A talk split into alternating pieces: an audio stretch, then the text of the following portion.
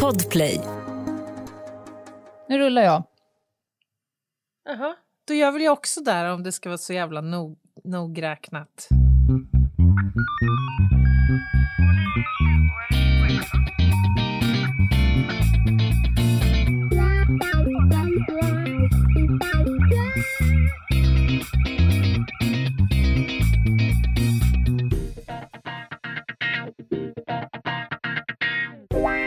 Välkomna till krimpoddarnas krimpodd över min döda kropp med mig, Anna Jinghede och... Lena Ljungdahl. Mm. Avsnitt 308. Ja, det är helt sjukt. Och en annan sak som också är helt sjuk, det är att jag inte längre är i värme. Nej, det är På varma inte. breddgrader. Det är sjukt. Är det inte? Så säg. Men efter, efter din död kommer du komma till varma breddgrader igen. Ja, det ser jag nästan fram emot vissa morgnar när klockan ringer. Ja, Ja. det kommer vara varmt om tårna men du kommer vara smärtfri så att säga. Ja, det kommer vara en befrielse kan jag tala om för dig. Ja, absolut. Jag har också längtat dit ett par gånger de sista veckan eller två. Mm. Men hur har ni haft det här hemma i, i polar vintersverige?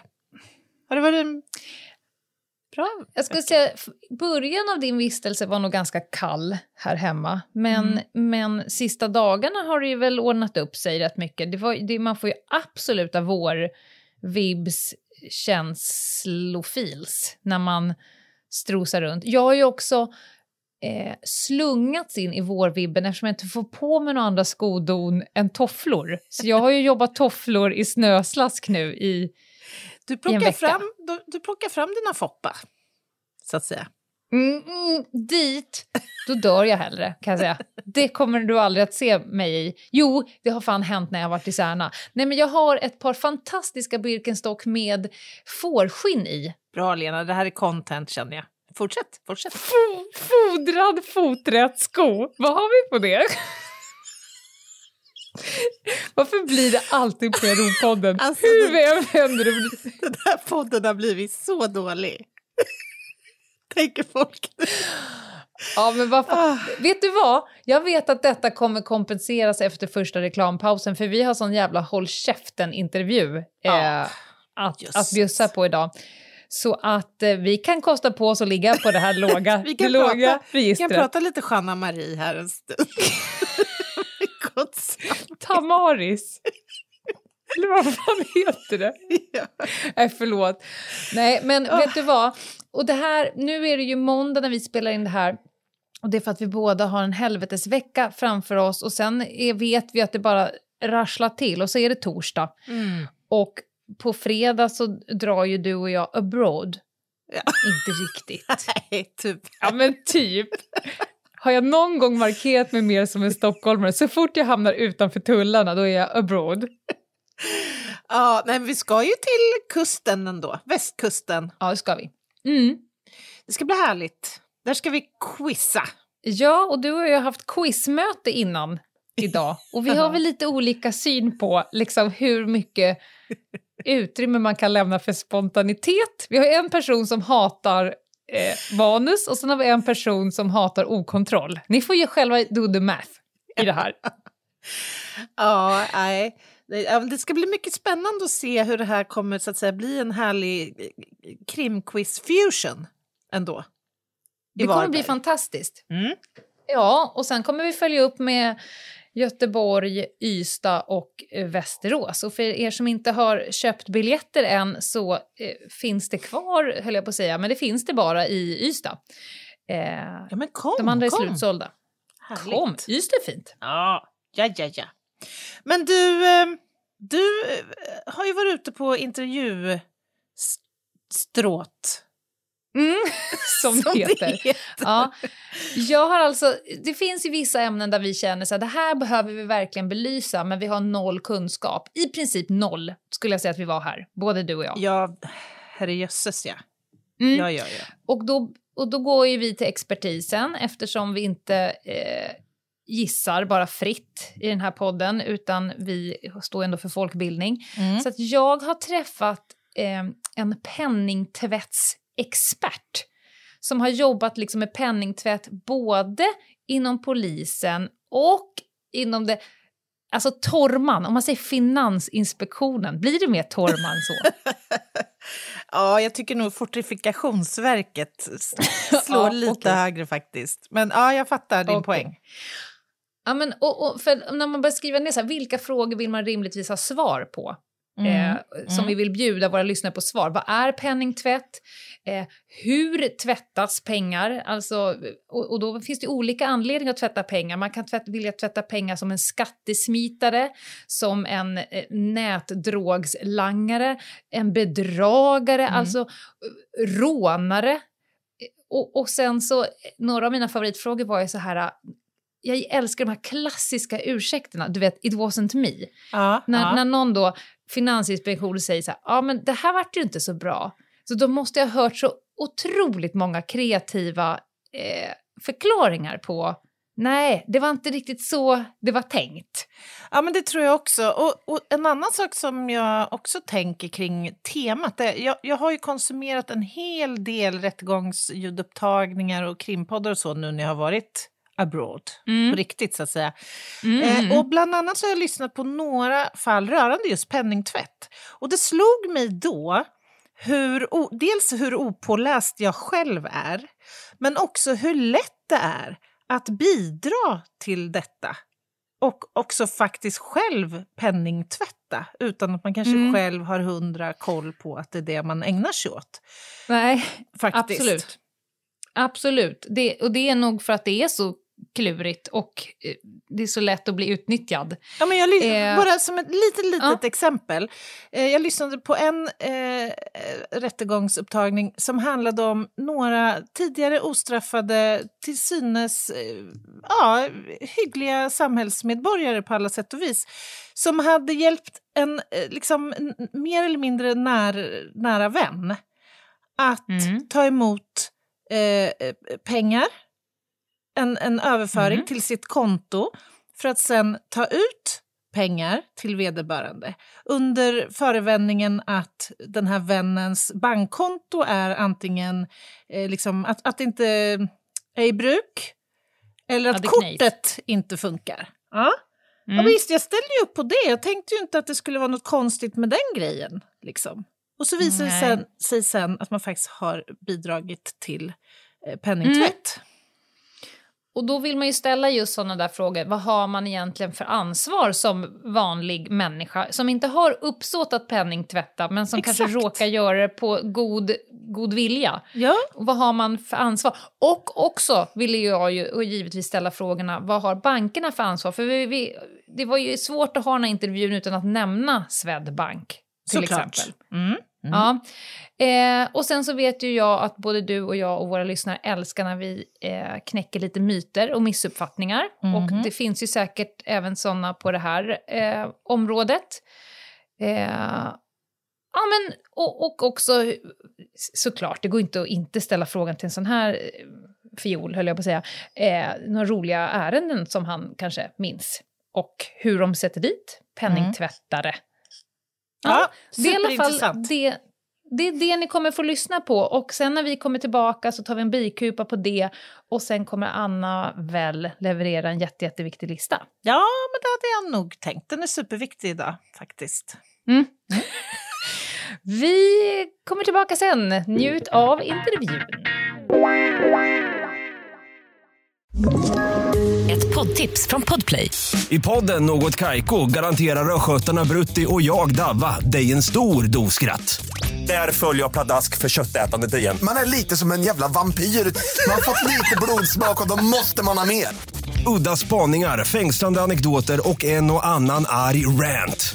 Jag måste ha mitt kaffe på morgonen för annars är jag ingen trevlig människa. Då är du ingen trevlig människa, punkt. Något kajko, hör du på podplay. Därför. Välkomna tillbaka till krimpoddarnas krimpodd Över min döda kropp avsnitt 308. Hisnande. Jag sitter nu i Podplays underbara studio. Oliver sitter bakom knapparna och framför oss sitter Eh, poddens nästa expert.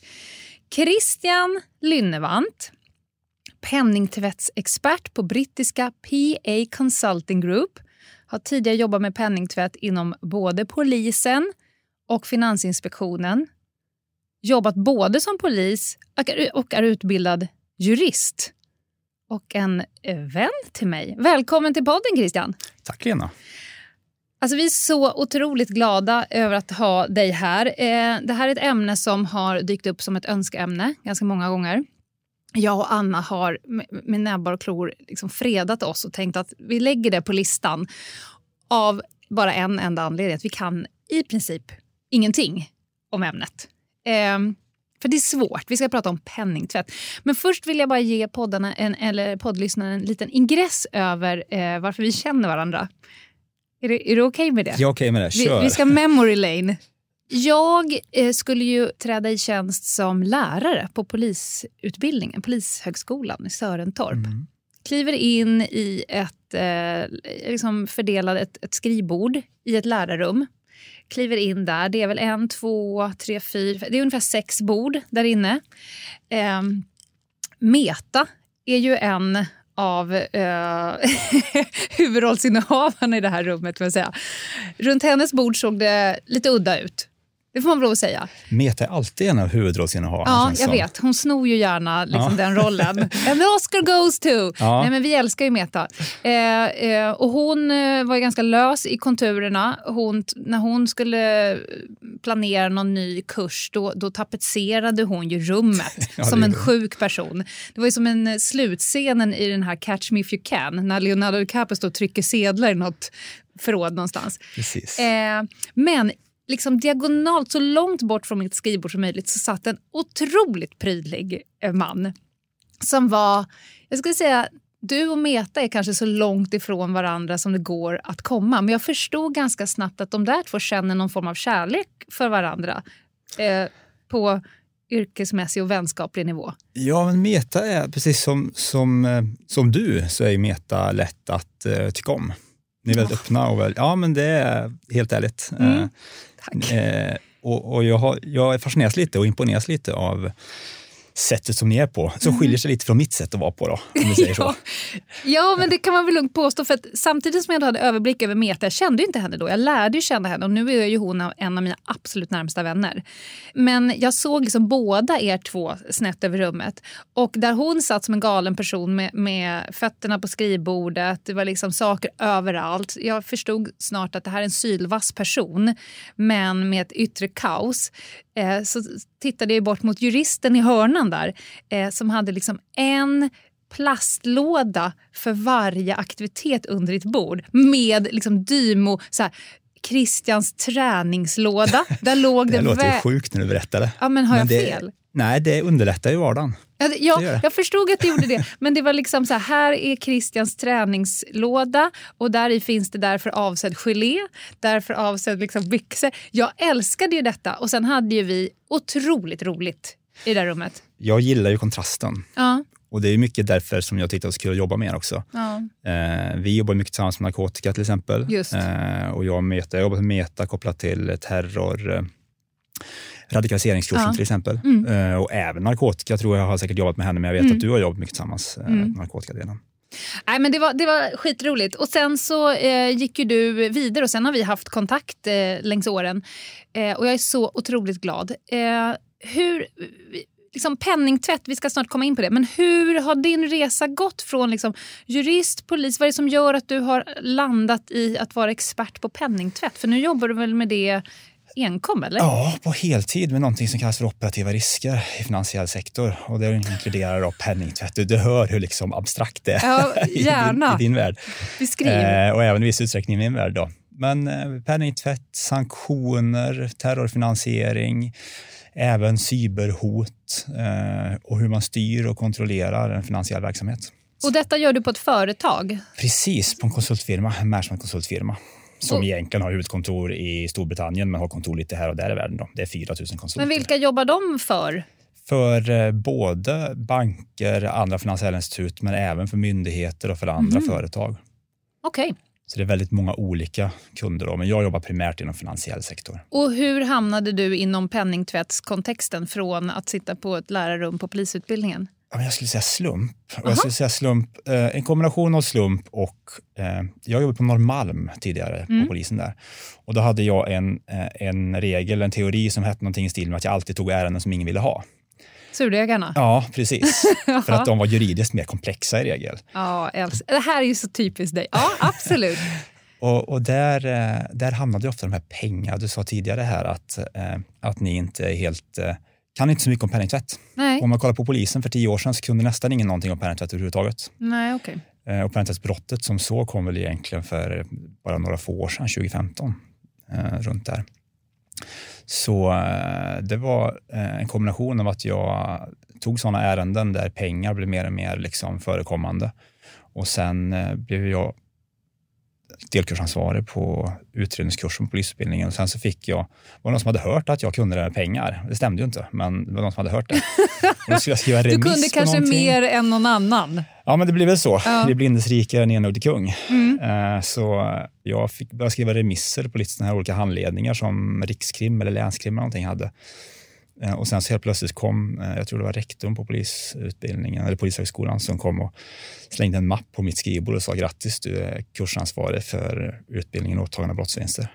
Mhm. Så blev det. Så blev det. Ja, jag var osäker på om det var positivt eller negativt där och då, men det var nog hon också osäker på faktiskt. Återigen en akt som ingen annan ville ha kanske. ja, det var nog lite så. Ja. Och vad är penningtvätt? Om du tänker att, att du pratar för människor som kan ungefär lika mycket som jag och Anna. Ja, men precis. Och jag tror vi alla ska vara liksom där, för det, det egentligen handlar om ganska enkla grejer. Det kan bli komplext, men det kan också vara ganska enkelt. Penningtvätt handlar om att dölja pengars ursprung. Eh, och pengars ursprung, det är ju i regel då eh, illegala pengar. Så alltså olovligt intjänade pengar, antingen genom skattebrott eller narkotikaförsäljning, rånbyte, stöld liknande. De behöver tvättas innan de kan användas i dagens samhälle eftersom att det finns kontrollfunktioner och liknande som upptäcker när konstiga pengar dyker upp. Pengar som inte har en förklaring. Vad är det för kontroll? eh, Liksom, hur upptäckt, hur Till upptäcks det? exempel om du ska föra över vissa pengar, eh, vissa summor och inte kan förklara för dig eh, hur du har fått de här pengarna så kommer banken då rapportera det till Och det, det är därför vi vanliga människor, man får säga det, får så otroligt eh, många och dumma frågor. Så fort man ska så här, sätta in pengar, man har sålt sin gamla V40 eller någonting, så får man ju ett frågebatteri som man känner så här, men vad fan.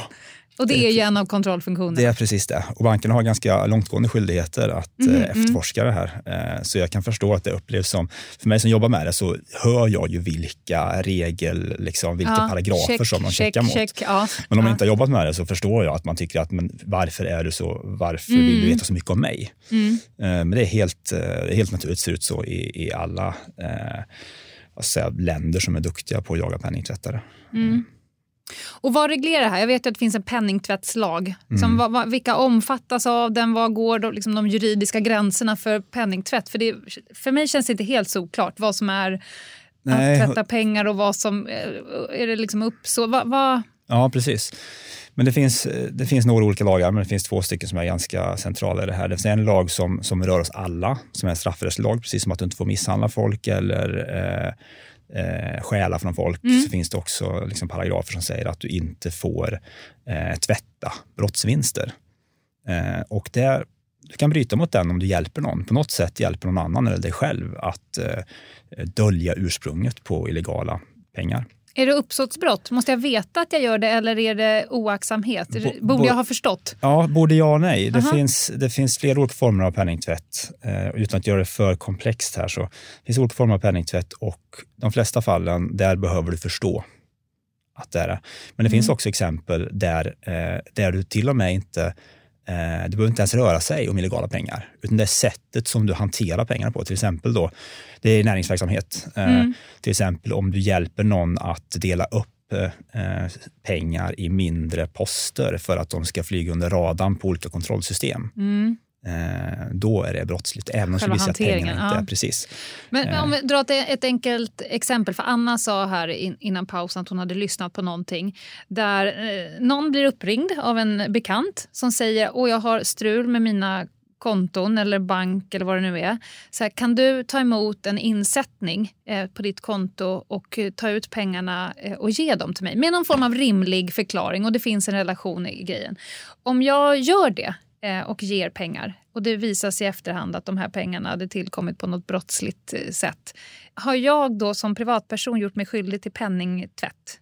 Du löper i alla fall stor risk att åtalas för det, mm. skulle jag säga. Eh, sen så är det i varje enskilt fall får man ju se till, till förutsättningar för det både objektiva och subjektiva rekvisit ja, som det heter juridiskt. Då. Eh, och det är ett ganska vanligt exempel där och inte minst unga ja. människor som utnyttjas på det där sättet. Flickvänner till eh, busgrabbar ja. som uh, säljer narkotika som hävdar efterhand att de inte visste att... Precis. Ja. Och där skulle jag vilja säga att domstolen blir mer och mer sån att jag tror inte den tillåter den här naiviteten på det sättet som man kanske okay. gjorde tidigare. Ja, men om vi ska prata om lite olika varianter av penningtvätt. Jag har punktat några här. Om vi tar de här langarna säljer narkotika. Hur, hur gör de? För att de tjänar då eh, kanske mindre poster eller ja, upp till lite större kontinuerligt. Och det är pengar de tjänar som de inte kan visa eh, staten var de har kommit ifrån. Hur gör de för att tvätta sina pengar? Precis. Alltså gatulangare mm. som du pratar om får ju ganska stora mängder volymer, eh, mm. små valörer, det vill säga sedlar och mindre valörer. Och det kan bli ganska mycket eh, volymmässigt och det är ingenting man kan bara gå in på en bank och lägga upp på en disk och definitivt inte om du tar en inkomst eller ett jobb, eh, förvärvsarbete eller liknande. För då är det uppenbart att det här är pengar som du inte borde ha. Så de blir sittandes med stora kontanter. Det de försöker göra i regel är att de försöker hitta andra kriminella, alltså det vill säga någon form av halvprofessionella eller professionella penningtvättare. Om det är den mängden att de inte bara kan konsumera det själva. Då. Mm. Eh, och då växlar de det här till större valörer och gärna till euro för att sen kunna eh, omsätta det. Och det kan ju vara till exempel då eh, antingen investera i någonting eller eh, så är det så såklart att om man säljer eh, från ett större parti så ska man betala grossistledet också. Mm. Och då vill ju grossistledet ha pengar och då kan ju pengarna hamna hos dem och sen smugglar de ut dem ur landet och vidare dem till det landet som, vad ska man säga, eh, Kingpin sitter som den här mm. ledaren mm. narkotikanätverk sitter. För där tänker jag, vi har ju dragit ett ärende i podden, jag kommer inte ihåg vilket avsnitt det är, men det heter Kokain och Nutella. Eh, för där eh, såldes det ju kokain i hög hastighet och jag var ju spanare i det ärendet. Och då var det ju en av personerna som sålde otroliga mängder kokain. Och jag var inne med honom kanske 50 gånger på olika eh, banker eh, i såna insättningsautomater där han matade in tusenlappar. Och alla dessa tusenlappar landade på hans eh, svenska flickväns eh, konto. Mm. Eh, och sen fick ju hon ju i förhör med diverse utredare förklara för varför du får så otroligt mycket pengar insatta. Och det höll ju inte. Men är det ett, ett vanligt scenario? Det, det, var ett vanligare scenario förut. De här kontantinsättningsmaskinerna, de är väldigt få till antalet nu för tiden. Mm. Och eh, just det här brottspreventionen är en av skälen. Sen så är det dyrt att hantera kontanter generellt för finansiella företag och så vidare. Sverige är ganska kontantlöst nu för tiden. Mm. Men det är en variant och där så skulle ju den flickvännen få en väldigt svår situation då när det upptäcks. Och det är någonting som banken idag hoppas jag att eh, alla banker, men jag är ganska övertygad att de flesta banker skulle upptäcka en sån här grej. Då. Swish då? Kan, ja. kan jag swisha dig eh, någonstans mellan 500 spänn och 1000 spänn om dagen under ganska lång tid utan att någon institution säger det här är ju jättemärkligt, var får alla pengar ifrån? Hur länge kan man flyga under radarn? Ja, det beror, det beror lite på. Jag kan inte gå in på detaljerna, med, men det finns kontrollsystem även där. Okay. Så det löper väldigt stor risk om du gör så. Mm. Sen så är det klart, ibland så är det svårt att skilja kanske en eh, gatu, sån här torghandlare från någon som låtsas vara torghandlare. Men det blir bättre och bättre system för att upptäcka mönster ja. i de här delarna. Om vi går vidare då. De här som säljer knark på nätet, nätdrogslangarna. Mm. Hur gör de då? Nej, men de, de har en annan problematik. En som säljer eh, mycket nätdroger mm. eh, kommer över mycket kryptovaluta. Mm. Och det kommer troligen vara då antingen Monero som är ganska svår att spåra eller bitcoin som är lättare att spåra. Så det finns lite olika kryptovalutor. Det är svårt att, spåra kryptovalutor, men det går att spåra plånböckerna, de här digitala plånböckerna som kryptovalutorna ligger förvarade i. Mm. Därför så det som, som då penningtvättare att studera de här spåren. Då finns det tjänster på nätet som är just till för det här. Och de tjänsterna går till så att det är flera som stoppar in sina kryptovalutor i samma ska man säga, svarta hål. Ja. Och sen kommer det ut massa kryptovalutor på andra sidan. Ja. Och det är väldigt svårt att spåra vilka kryptovalutor som kommer från vart. Så där har Okej. du en punkt där du kan stanna av dem om du, om du spårar. Mm. Och eh, så gör de. Men sen blir de sittande med väldigt mycket kryptovaluta. Och då gäller det att omsätta det. Antingen genom att köpa grejer. Det är ganska svårt att köpa grejer för kryptovaluta i Sverige, eh, inte minst eh, nu för tiden. Men du kan också då sälja kryptovaluta. Det finns ju då handelsplattformar på nätet. Då kan du träffas eh, fysiskt med folk eh, och sälja kryptovaluta. Och då får du då kontanter, avtalad mängd kontanter och så skickar du över då eh, avtalad mängd kryptovaluta via en app i din telefon. Och så kan de hålla på. Och så kan båda sidor då Är pengarna då tvättade? När du har... Då är pengarna relativt tvättade. Ah, okej. Ju fler led du tvättar dem i, ju Ja. svårare är det att se att, att de är illegala. Men eh, det finns ju också någon form av rimlighet då, eh, att de här penningtvättarna, de vill ju inte hålla på för mycket, utan de tar vad de upplever är liksom rimliga risker. Ja. Eh, så de tvättar i ett par led, lite beroende på hur mycket pengar det handlar om och, och hur man gör och så vidare. Eh, men de är hyggligt tvättade där i alla fall. Gud, Jag blir alldeles yr i huvudet, men absolut. Det, det, det, finns ju liksom virtuella pengar och, och fysiska Mm. pengar och jag har förstått nu att ju fler, ju fler gånger du typ ish tvättar pengarna Mm. desto renare blir de och svårare att bakspåra det. Till Precis. Mm. Skattesmitarna, eller skatteplanerarna som skattesmitarna vill kalla sig. Ja, precis. Det Ja. där är ju en gräns. Jag som är jurist måste ändå säga det, att det är skillnad på, på, eh, på att, eh, vad ska man säga, Omoraliskt och eh, juridiskt, Ja, det är ibland- två olika saker. Ja, fa- det är faktiskt Ja. olika saker. Ibland så är det svårt eh, att veta vart gränsen går eh, när man tittar på det där. Men när det kommer till personer som är rena skattesmitare så handlar det ofta om att de har antingen så, de kanske till exempel sitter i eh, i Sverige men eh, se till att ha eh, juridiskt sett skatterättslig hemvist någon annanstans. Eller så har de bolag som de får intäkterna i som ligger i andra länder. Så de här pengarna passerar inte ens Sverige på det sättet. Så du, om du jobbar liksom för en myndighet i Sverige eller liknande eller jobbar för ett etablerat företag i Sverige så är det svårt att vara skattesmitare. Men om du däremot bedriver verksamhet där det inte finns en tydlig liksom, positionering på vart du är, då kan du ganska enkelt ha eh, olika bolag eh, på olika skatteparadis ute i världen eller bolag i, i andra länder som du sen flyttar pengar till skatteparadis. Och då äger olika bolag varandra och så kan du göra det ännu mer avancerat. De är så kallade truster. Närmast vi har i Sverige stiftelser. Men truster är ganska vanligt i vissa länder. Trust funds pratar man ju om ibland på amerikanska filmer och sådär. Och det är sånt. Och då kan du ha liksom en, en beneficiary, någon som styr och du kan ha lite advokater som hjälper dig som har låg moral och så vidare. Eh, så då ser du helt enkelt till att pengarna samlas i ett skatteparadis istället för att pengarna träffar Sverige eh, på det sätt som de egentligen borde göra för att du till exempel sitter i Sverige eller att du bedriver verksamhet som skulle sk- skattas i Sverige. Och, och räknas det då som penningtvätt? Ja, det gör det. Skulle du, tvätt, skulle du skatta i Sverige och inte göra det så är det, är det skattebrott. Ja. Och sen när du flyttar pengarna eller gömmer dem på ett visst sätt så blir det penningtvätt. Fan, du är så jävla vass. Jag älskar det här. Och det det är också fint med den värmländska tonen i det här. Det gör någonting att det blir liksom ännu ballare bara. Den- jag måste bara säga, den gjorde mig väldigt väl när jag var förhörsledare. Ja, Eh, jag kan tänka mig det. Det är ju ingen som inte sänker garden när det kommer en värmlänning. Du, jag kan säga så här, efter att ha jobbat med, med avancerad personspaning. Ja. De som var värmlänningar i gruppen, de kunde ju komma in i vilket utrymme som helst och sitta och prata. Och det folk bara så här, ja, vad som helst, men hon är fan inte polis alltså. Nej, precis. Hon drar på. Så jag bara såg hur de som hade den här dialekten bara drog upp den till max i Ja. vissa situationer och utnyttjade den. Lömskt. Bedragare. Alltså allsköns bedrägerimänniskor. Ja, hur, hur gör de då?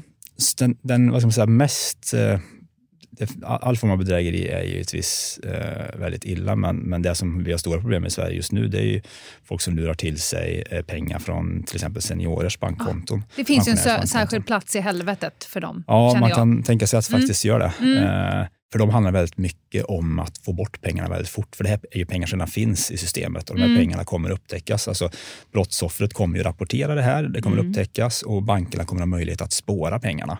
Eh, så det de ofta gör är att de använder, vi pratade tidigare om eh, målvakter som det kallas, det vill säga Mm. ofta unga människor som, som hjälper till med att få in pengar på sitt konto. Eh, helt enkelt, vi säger att någon bedrar någon på någon miljon, så delar de upp det i väldigt små poster som skickas fort ut till olika konton där folk tar ut pengarna kontant från bankomater. Och sen samlar de ihop pengarna igen till då gärningsmannen eller gärningsgruppen, nätverket. Eh, Och då har de ju i princip tvättat pengarna. För det är väldigt svårt att spåra kontanter. Mm. Ah. Ja, och sista då, rån. Alltså rånbyte, rån. hur, hur gör de då? För de kommer ju över en, en, liksom en enorm summa pengar kan det ju vara på olika sätt.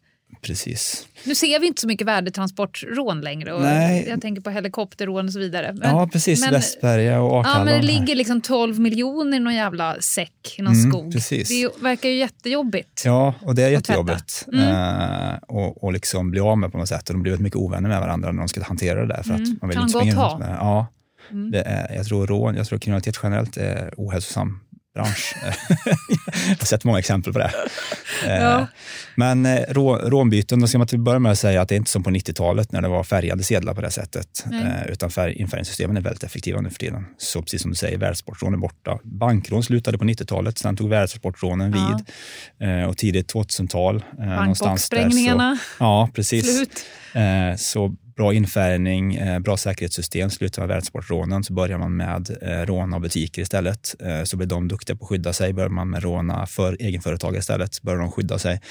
Och Ja, nu- alltså, när jag jobbade som IGV-polis i Skärholmen, fan varannat larm var ju forex, Mm. guldgrejer, växlingskontor och så vidare. Helt borta, Ja. eller? ja, ja, det är helt borta nu. De och det är för säkerhetssystemen? Ja. Ja, okej. De har så bra system och rutiner nu för tiden att det inte är värt. Utan det är mycket lättare att ge sig på någon som, som bevisligen har fina klockor och liknande. För Just att det ser man på Instagram. Mm. Liksom. Okej. Mjukare, mjukare mål. Eh, en svår fråga och jag kan knappt ha en kontext i den här frågan för att jag vet så otroligt lite om det. Men, men är det några som inte borde eh, möjliggöra penningtvätt och vara en del av det? Känns det som att det är bankerna. Om jag bara säger så här, Swedbank, penningtvättsskandal. Jag ger dig liksom det. Vad har du att säga om det? Ja, jag, jag är väldigt insatt i, i den utredningen. Då jobbade du givetvis. på Finansinspektionen. Ja. Men jag skulle vilja säga det att det, det där är, det är en utmaning. Jag har jobbat då med att bedriva tillsyn på väldigt många banker och se hur de jobbar mot penningtvätt. Mm. Och jag har också jobbat med att hjälpa banker att bli bättre på att stoppa penningtvätt. Och tyvärr så är det ju så att den mediala bilden är, eh, är väldigt ensidig. Mm. Och det förstår jag för att det är inte kul att skriva i tidningen varje dag att även idag har Swedbank stoppat massor med penningtvätt. Eh, Eller även Men så är det väl har... alltid med media. Ja, Ja. precis. Vi som har haft insyn i många ärenden vet ju att media har ju alltid bara en bild, eller väljer kanske att ha bara en bild. Precis. Mm. Så, eh, och jag tror det hade, inte, det hade inte sålt andra, så det får man ha viss förståelse Nej. för. Så det stämmer att eh, nordiska banker, precis som, som övriga banker ute i världen, eh, har haft eh, exempel. De har brustit i sin efterlevnad av penningtvättsregelverket, det här administrativa regelverket. Jag pratade tidigare om att penningtvättsbrott kan alla bli, bli dömda för. Men Mm. när det kommer till finansiella institut och andra företag så är det en särskild lag som gäller för dem. Att de måste ha ett fungerande system för att stoppa, upptäcka, stoppa och rapportera penningtvätt. Okej. Eh, och det har de blivit betydligt bättre på på senare år skulle jag vilja säga. Och man förstår inte riktigt, det är alltså tusentals människor som sitter på bankerna och jobbar eh, dedikerat med det här. Så det är väldigt mycket penningtvätt som upptäcks och stoppas. Men det är också väldigt svårt. För det är mycket pengar som cirkulerar väldigt fort i väldigt komplexa system. Tror jag, jag som har jobbat med det här ett tag. Så, så eh, ibland så blir man väldigt imponerad faktiskt av det de gör. Är det konstigt att det inte blir fel oftare eller? Ja, ibland känns det lite så. Sen så vet man ju inte, de, de som slinker igenom systemet, de upptäcker man ju inte, så det finns säkert mörkertal. Alltså, det sker väldigt mycket penningtvätt genom alla sektorer. Eh, Och det är ju inte på något sätt finansiell sektor fredad. Får jag, ett exempel. Jag, har jobbat mot grov organiserad brottslighet, alltså ligor, eh, gärna internationell grov organiserad brottslighet. Eh, personer grips, sätts i frihetsberövade, grips, anhålls, häktas, döms. Mm, Eh, ja, för, ja, ibland. Om de är skyldiga, det vill säga. Exakt, exakt. Ja. Eh, inte helt ovanligt att de har stora skulder till Kronofogden för de har skitit under många år att eh, betala. Helt plötsligt sitter man där med en mängd med pengar eller saker i hemmet för att de har ju så att säga, investerat i sitt eget leverne. Eh, och så tar myndigheterna de pengarna, förverkar dem eller skickar dem rakt in till Kronofogden och betalar av skulderna de har till staten. Är det så att staten nu hjälper de kriminella att betala, att, att tvätta deras pengar? Ja, både jag och... Jag skulle säga både jag och jag. För att jag tror Kronofogden själva är ganska kritiska till, till hur det har varit. Sen så har det blivit lite förbättringar. Eh, Jag är inte säker i detalj på, på, på vart vi ligger nu. där. Men, eh, Men visst är det så att om en person med väldigt mycket skulder blir tagen med mycket pengar som man då tar för att eh, klära de här skulderna, Mm. så blir ju det att man sänker deras skuldkvoter. Man Exakt, pengar de har tjänat på, brotts, på brottsverksamhet Ja. Används för att eh, betala eh, skulder till staten. Ja, precis. Mm. Men sen så är det inte bara staten och det jag tror, jag vågar påstå att väldigt mycket pengar går till brottsoffer. För många av de här kriminella har, eh, de har slagit ner folk, de har Mm. utsatt folk för andra brott. Det kan vara sexualbrott, det kan vara eh, hot och annat. De kan ha liksom förstört folks liv. Så och- liggande skadeståndsskyldigheter. Ja, precis. Ja, så, okej. så om man vill se det positiva i det så är det att jag tror pengarna, de här pengarna gör någonting gott. Mm. Eh, och det är klart, det, det kan ju göra ont i ögonen på en att se att de blir mer, mer skuldfria än vad de var innan. Men, men min erfarenhet är att de lyckas inte hålla sig skuldfria så länge till. De jobbar upp det där kontot Ja. snabbt ändå. Har inte att göra det. Ja, jag fattar. Vi var lite inne på det innan, såna här ursäkter som används av då kanske flickvännen som får många swishbetalningar eller någon som får eh, liksom hjälper en bekant och så vidare. Va, vad är liksom de klassiska ursäkterna och, och funkar de? Vi kan, vi kan börja där bak. De, de funkar sämre och sämre. Mm. Eh, mi- min uppfattning är att när penningtvättsbrottet som så kom i Sverige, så först så var vi tvungna att få ordning på liksom vår egen kunskap inom polisen. Då jobbar jag inom polisen. Sen när vi började komma igång med det så var det åklagarnas tur. Då var de tvungna att komma liksom med på tåget. Ja. Eh, och sen så var det domstolarnas tur. Och jag tror nu har de flesta mognat ganska väl.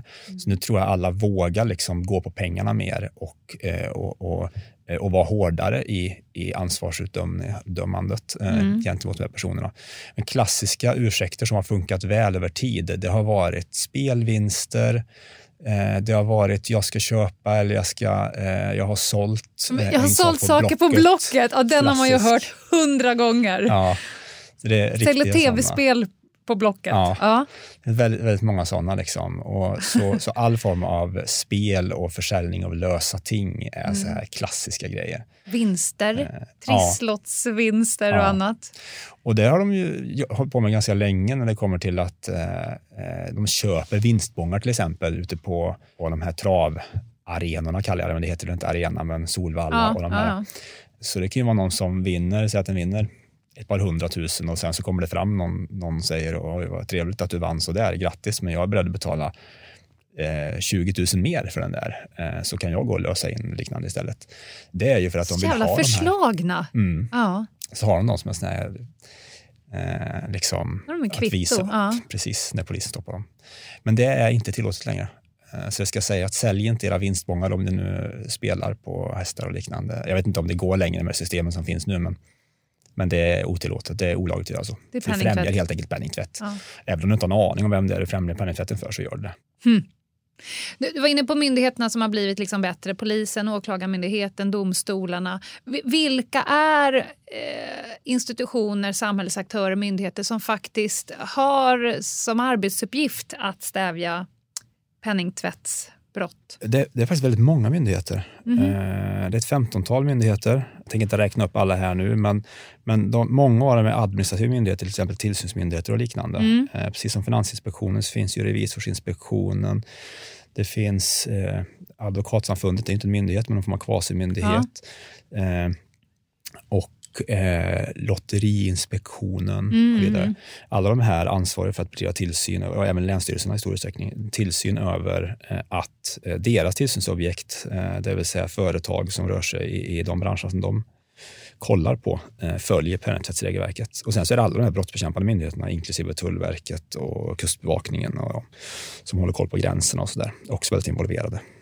Och vad jag har hört dig nu under intervjun är att det har blivit mycket bättre. Alltså jämför nu med för 10-15 år sedan så eh, är din upplevelse att alla har blivit bättre? Ja, jag tror, för det första tror jag alla har förstått det stora värdet i att gå på pengarna istället för att gå på personen. Eh, Och det, det ena utesluter inte det andra. Nej. Men jag, jag kan ju bara dra min egen erfarenhet. När jag började med den här utbildningen, då, att vi skulle utbilda svensk polis i hur man går på pengarna, så då hade jag jättemånga mycket duktiga narkotikaspanare. Follow the money Ja, kallar vi det ju. ja. Mm. Och, och, det, och vissa av de här var inte ett dugg intresserade till att börja med, eh, tyvärr. Alltså, både narkotikaspanare och mordutredare, de var måttligt intresserade av pengar. Eh, för de satsade hela tiden på att hitta narkotikan eller hi- hitta bevis, liksom mordvapnet. Ja. Men att till exempel eh, styrka motivet med pengar, det har man blivit mycket bättre på Mm. nu. Och narkotika, en duktig narkotikagrupp en husrannsakan så tittar den också efter dokument, den tittar efter kryptovalutor, Mm. den tittar efter allt det för de, de kan sånt nu. Men förut kunde du i princip ha en husrannsakan där hunden markerade inte, narkotikahunden markerade inte, så det finns ingen narkotika där, gör en bedömningen, går ut, eh, surnar, man har spanat i månader, surnar över att man blev lurad ännu en gång Mm. och egentligen så låg det papper på bordet som hade gjort att de hade fått ett helsike de här kriminella. Om man hade vet hur man Det här är en sån intressant liksom, exposé, för att jag har upplevt exakt detta. Jag började som polis liksom, millenniumskiftet Mm. och hamnade på narko- länskrims narkotikarotel, kanske liksom den vassaste spetskompetensen there is Ja. inom sitt verk. Och där landade jag 2004 och var kvar där till 2015. Mm. I början så var det exakt så som du sa. Eh, men, men mot slutet då hade vi på roten satt det tillgångsutredare.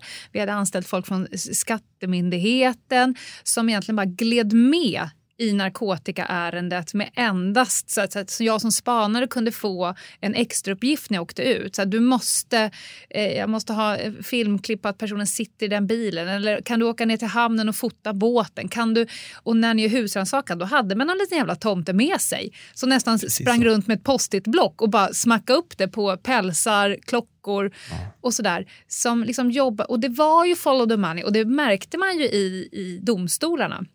Att visst, du kommer få sex år eller vad det nu är, men du kommer också bli totalt renskrapad. Så när du kommer ut så har kärringen ingen päls. Eh, du, bor, du kommer få leva på existensminimum, det vill säga då sved det ju. Så Ja. det ökade incitamentet för oss att faktiskt eh, titta på helt andra saker också.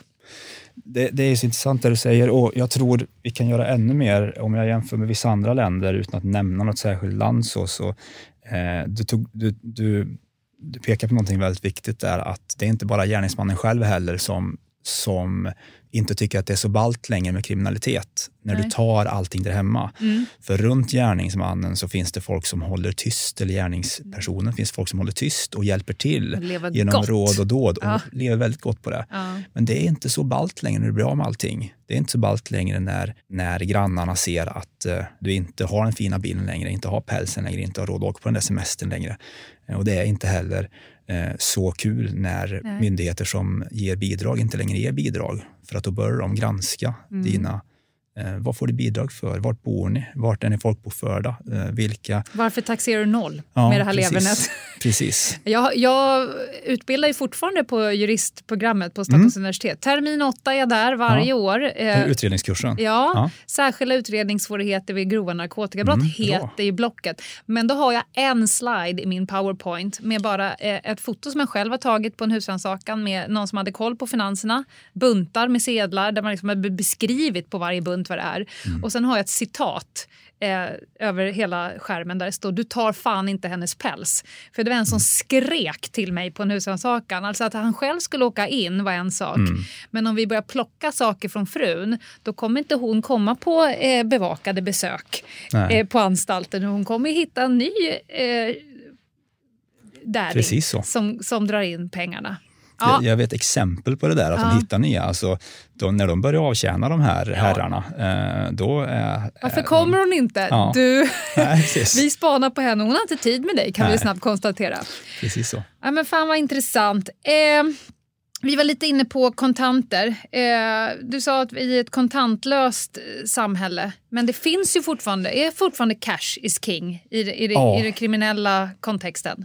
I kriminella kretsar så är eh, cash king fortfarande. Det är klart inte i alla, i alla eh, grupper, men i de, inte minst de traditionella och ganska tunga eh, grupperna så är cash fortfarande king.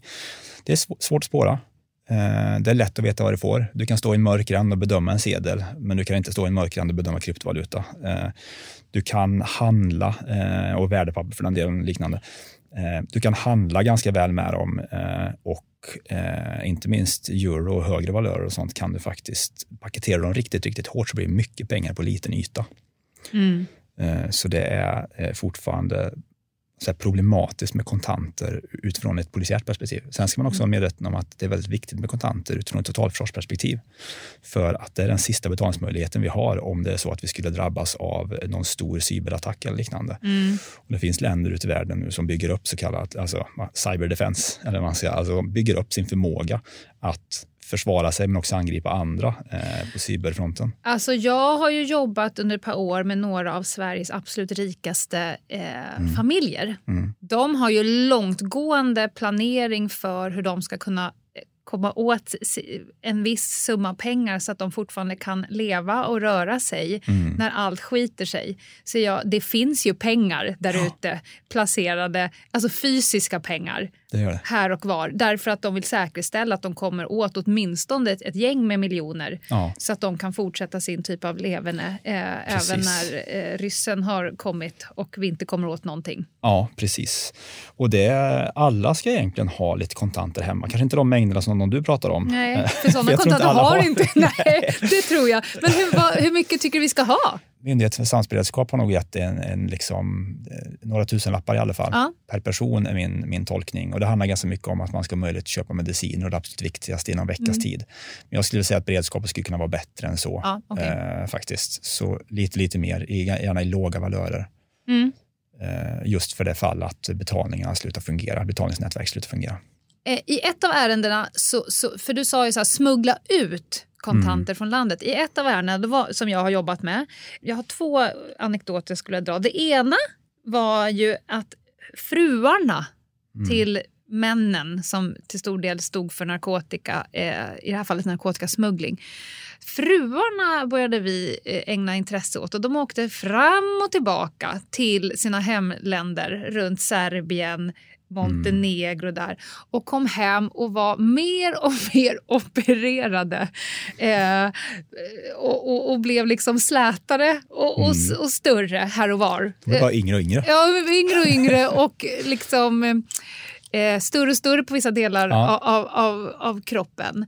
Och, och de åkte väldigt ofta in och ut och till slut så insåg jag att det är nog det är ju absolut pengar som investeras i deras eh, appearance. Mm. Men, men vi fick för oss att eh, damerna nog eh, smuggla ut pengar. Hur, hur lätt är det att liksom lämna Arlanda med en påse med pengar?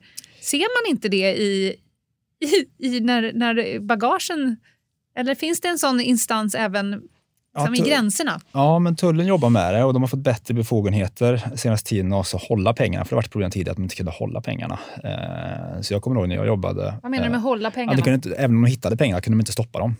Okay. Men det, eh, jag har förstått som att det finns bättre förutsättningar nu. Kollegor på tullen verkar relativt nöjda med lagändringar och sådär det är, lite, det är periodiskt lite svårt. Man kan inte kolla allas bagage och inte incheckat bagage i den utsträckning och så vidare. Nej. Och kontanter är inte så lätt att hitta på det sättet. Sen så finns det exempel på uh, helt enkelt personer som transporterar kontanter i kroppen. Uh, mm -hmm. och, och, det tror man att det borde inte vara så Rektumsmuggling, ja, är det det vi pratar om? på samma sätt som narkotika. Ja. Uh, sväljkapsel. Uh, Okej. Okay. Och det är även i Sverige. Det finns, exempel, ja. det finns ärenden i Sverige. Med det. Hur mycket, uh. hur mycket kontanter kan man hitta i en kropp? Jag, jag visste att den frågan skulle komma. Jag vågar faktiskt inte svara för det, det, jag, jag, har inte, jag har inte testat. men jag vet ett case, men jag vågar inte säga hur mycket det är, men många hundratusen i alla fall, minns jag det som. Och det de gör är helt enkelt att de växlar till sig 500 eh, eurosedlar. Ja, okay. mm. Och sen så rullar de dem väldigt, väldigt hårt. Det är trist med 20 lappar, tänker det jag. Är väl, det blir väldigt obehagligt tidigt. Ja. ja. Men, det, eh, den andra anekdoten jag kommer att tänka på, vi hade ett, ett spaningsärende där, där eh, det var en man på cykel. Som, eh, de hade aldrig kontakt med varandra men eh, liksom på given, eh, om det var tisdagar klockan 12 så gav han sig ut och cykla ett modus där vi insåg att fan träffa en gammal, en gammal skruttgubbe mm. med liksom syrgasmask snudd på. Mm. Ut och cykla, snabbt möte och sådär. Och vi insåg vad är det han gör? Han är uppenbarligen inte en person som köper eller säljer narkotika. Mm. Men vi insåg ganska snabbt att de placerar ju cash på honom. Ja. Och han bodde i en lägenhet eh, som vi då spanade på och insåg att han lämnade aldrig sin lägenhet. Vi tog reda på vem han var. Han sålde extremt mycket hantverk via Tradera. Mm. Så vi följde ju Tradera där han sålde små mejslade knivar och trädon. Och, ja, men han var liksom en finsnickare, ish. Mm. Lite Emil i Lönneberga-stuk. Ärendet tog slut. Vi gjorde husrannsakan hos honom och med en osthyvel och en eh, förskärare så lyckades vi bryta oss in i en Rimowa eh, kabinväska. Och där låg det miljoner. Det vill säga, han fick ju alla pengarna för mm. så. Och då kunde ju han dessutom härleda till en enorm försäljning på mm. Tradera. Vad, vad, vad tänker du kring det? Var det, bara en fråga där, var det lönnfack och sånt? För det är ganska vanligt att när man tar sig över gränser så har man lönnfack i bilar eller... Eh, Vi trodde mo moduset var att han fick liksom en påse med cash mm. eh, i, på sin cykel, en mm. trehjuling. Var det en trehjuling? Ja. För han hade problem med balansen? Ja, han var ja. liksom skrutt. Det är inte sånt man misstänker. Liksom. Vi pratar 80 plus. Ja. Skägg. Vi kallar honom för tomten. Mm. Eh, cyklade hem till sin lilla lägenhet. Eh, och där var han och sålde sina grejer på Tradera och så vidare. Och när vi kom då in så hittade vi på många olika ställen i den här lägenheten eh, cash. Men framförallt så var de förvarade i liksom en, en, en resväska med kodlås. Mm. Mm. Nej, men jag tror precis som du säger att eh, han har nog hittat sin nisch där. Eh, ja. Tråkigt med en 80-åring som lägger sista delen av sitt liv ja. på något så smutsigt som penningtvätt. Ja, men... men det sista vi liksom fick ta ut ur lägenheten det var ju den här syrgasgrejen som ja. låg bredvid sängen som han var tvungen att ha för att inte liksom dö under första förhöret. Ja, han satt anhållen. Ja. Eh, Ja, men det är kontantintensiva branscher. Det är mycket lättare att gömma brottsvinster där. Det är samma med krogbranschen. Gar mm. Garderoben är en sån klassisk grej. Ja. Krogar kan omsätta otroliga mängder pengar sommarkvällar och om det hänger in ett par extra hundratusen där så eh, då skattar de ju. Det, så det är också vanligt förekommande. Så alla såna här kontantintensiva branscher visste jag inte att eh, finsnickeri var kontantintensivt, men det beror på hur många soffor det kränger gissar jag. ja. Ja, jag vet inte riktigt vad som hände med honom. Vi ska, jag har några avslutande frågor. I min research till, det här, till den här intervjun, Havala dök mm. upp som en grej. Va, va, kan du på något kort sätt beskriva vad, vad det är och hur kan det ens vara, liksom, finnas? Ja, Bra, bra att du frågar, också kopplat till det jag pratade tidigare om att ta ut pengar över gränserna. För eh, mycket av den här kontantsmugglingen över gränserna är Havala-relaterad. Svårt att veta vad som är eh, illegala pengar och vad som faktiskt kanske inte egentligen är illegala pengar. Mm. Men, men mycket är nog illegalt. Eh, men Havala är egentligen ett väldigt gammalt system som har funnits och, och fungerar väldigt väl i delar av Asien och Mellanöstern eh, som bygger inte på elektroniska lösningar eh, utan bygger på förtroende inom, eh, inom grupper. Mm. klaner eller grupper eller liknande. Eh, och till exempel länder som Somalia där du inte har ett fungerande banksystem. Mm. Det finns stora delar av Somalia där du helt enkelt inte kan föra över pengar på något annat sätt än just Havala. Och Havala funkar så. det finns olika former av Havala och det finns olika avancerade varianter. Men enklaste varianten kan man säga är att vi säger att du ska du ska skicka ner en summa pengar till en vän i Somalia. Mm. Eh, då går du till en Havala-broker, en Havala-handlare som du känner till vart den är. Det kan vara till exempel det kan vara en lägenhet i en förort eller liknande. Kan det vara här i Sverige alltså? Ja, ja jättemånga Aha. här i Sverige. Okay. Det finns jättemånga. Mm. Eh, och finns i alla länder i princip. Eh, finns större, det finns mer verksamhet i länder där det är många personer som, som har liksom anknytning till de delarna av världen där det okay. är vanligt med Havala. Eh, och de skickar hem väldigt mycket pengar eh, till sina anhöriga och sånt för att det är, det är en förutsättning för att de ska klara sig där nere. Vi pratar nu inte om brottsliga pengar Nej. eller brottslig verksamhet utan jag vill skicka pengar till min eh, gruppering, precis, familj i precis. Somalia. Okay. Din farbror eller liknande mm. där nere. Och de och, har liksom inte en, en forex? Nej, som jag de har skicka. inte en forex. Nej, för det är liksom det vad ska man säga, mer etablerade varianten, ja. precis som du säger. Mm. Vanlig penningöverföring som det mm. kallas. Eh, du går och knackar på där, eh, du säger vart du vill skicka pengarna eh, och de berättar hur mycket det kommer att kosta, ett par procent av det du skickar kanske. Mm. och, och då får du en kod. och den koden tar du sen, får en kod och en adress och, och där ringer du sen till din farbror eller vad det nu är som du ska skicka mm. till och säger att gå till den här adressen och så anger du den här koden och då kommer du få ut så här mycket pengar. Eh, och pengarna förflyttar sig egentligen aldrig. Det sker, det sker Jag en, liksom, hur får man ner pengarna? Ja, precis. Och ofta så förflyttas de inte och ibland så flyttas de genom olika handelsvarianter. Eh, till exempel, ja, det kan vara att eh, att man köper varor någonstans, skickar ner det så att värdet förflyttar sig, men inte fattar. pengarna. För svenska kontanter görs ju inte så väl i Somalia till exempel. Konstigt nog. Nej. Eh, men, men i regel så det sker liksom ingen direkt förflyttning av pengarna. Utan det är ett förtroende med de här två noderna, de här personerna, då, den i lägenheten eh, och den där nere i Somalia. Eh, så kör de utjämning någon gång förr eller senare, så kör de loggböcker över hur mycket pengar som, som har skickats, eller som ja. liksom, den ena skyller den andra och så vidare. Och det är ett väldigt fungerande system. Problemet är att det blir väldigt svårt att spåra pengar i det här. Ja. Och det är ypperlig, eh, ypperligt verktyg för kriminella att föra ut pengar ur till exempel Sverige till andra länder. Mm.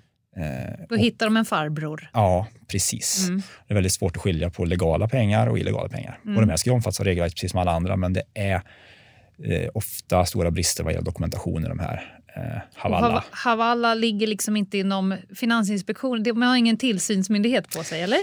Man omfattas ju av tillsyn egentligen, Ja. eh, men det är väldigt svårt att känna till de här, vart de är och hur, mycket, hur de verkar.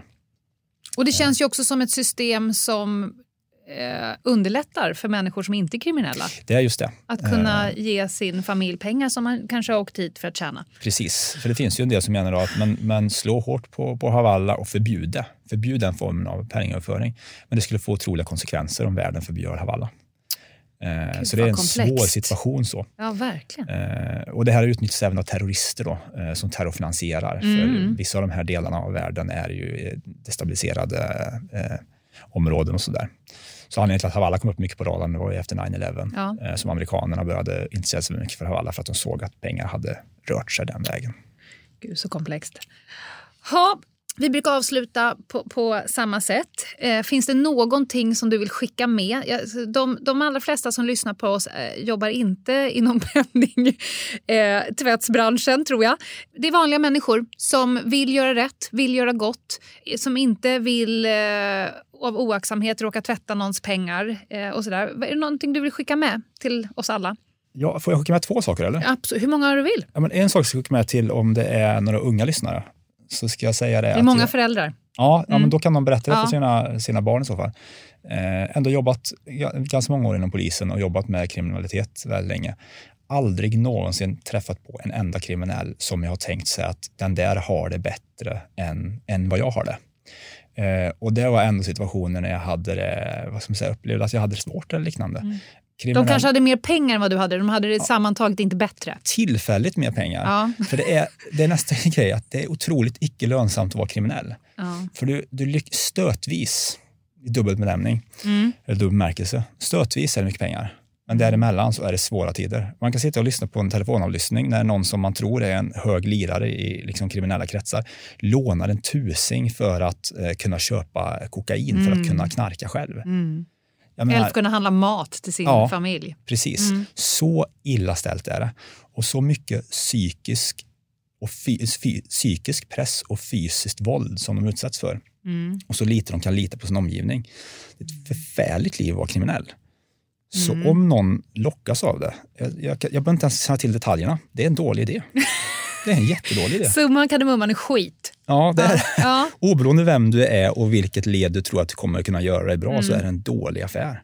Så det är ett. Bra. Och sen så nästa till myndighet, myndighetssidan skulle jag vilja säga att jag, jag är ju en av dem som säger hela tiden gå på pengarna. Men Jag skulle vilja säga att eh, generellt skulle jag, jag skulle, nu när vi har så mycket skjutningar av med yngre individer som utnyttjas, eh, som kör sprängningar och skjutningar och allt det här av eh, eh, mot eh, ja, motståndarsidan, om vi ska kalla det det, men i konflikterna. Eh, lägger extra mycket fokus på, på pengarna, på de som ni genom underrättelsevägen får reda på att ligger bakom det här. Och inte bara på de individerna, utan en vädjan till andra myndigheter som, som sitter på bidragsutbetalningar och liknande. Sådär.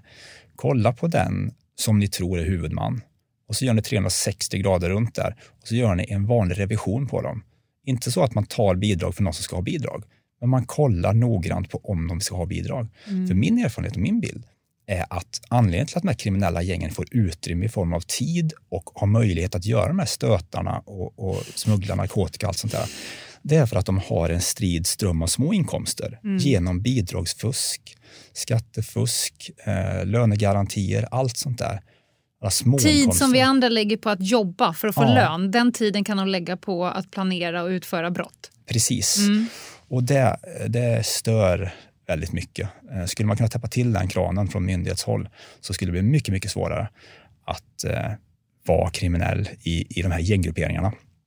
Och det skulle vara väldigt mycket svårare att bibehålla en social, ett socialt umgänge om folk i din omgivning börjar bli av med sina bidrag eller börjar bli av med sina förmåner och liknande. Mm. För då är det inte riktigt lika kul att umgås med kriminella längre. Det här är som ett öppet sår i mig. För att Jag tillhör ju kategorin, jag gillar ett solidariskt samhälle där man lyfter eh, de svaga. Jag betalar gärna skatt för att människor ska, ska liksom komma tillbaka på banan. Har man svårt sjuk, vad det nu är, be my guest. Jag är arbetsför, jag jobbar för dubbelt för dig under en period. Men jag hatar människor som utnyttjar det fina systemet som vi har Ja. eh, och, och tar bidrag och så vidare när de inte ska ha det. Eh, det är liksom ett öppet sår i mig. Och, där, eh, och jag vet att har man ett system så kommer alltid utnyttjas men då måste ju liksom samhället, eh, precis som du säger, med näbbar och klor göra det jävligt svårt. Ja. Det är för lätt. Jag vet inte hur många spaningsärenden som jag har hållit på med där man bara förfasas över hur förbannat lätt det är att fejka allt från en sjukdom till en långvarig skada. Och bara, de har liksom bostadsbidrag, socialbidrag, sjukbidrag, försäkring. Det bara rasar in kulor på Ja. kontot medan de inte gör annat än att begå brott. Nej, för det är problemet. De sjuka de orkar inte eh, se till att få alla de här bidragen. Utan de sitter hemma och får inte bidrag. Men däremot Exakt. de friska som bluffar, Exakt. de lägger all sin tid och samarbetar Ja. och verkligen skräddarsyr en profil som Ja. gör att de får så mycket bidrag att det är helt Ja. eh, det är stötande. Ja.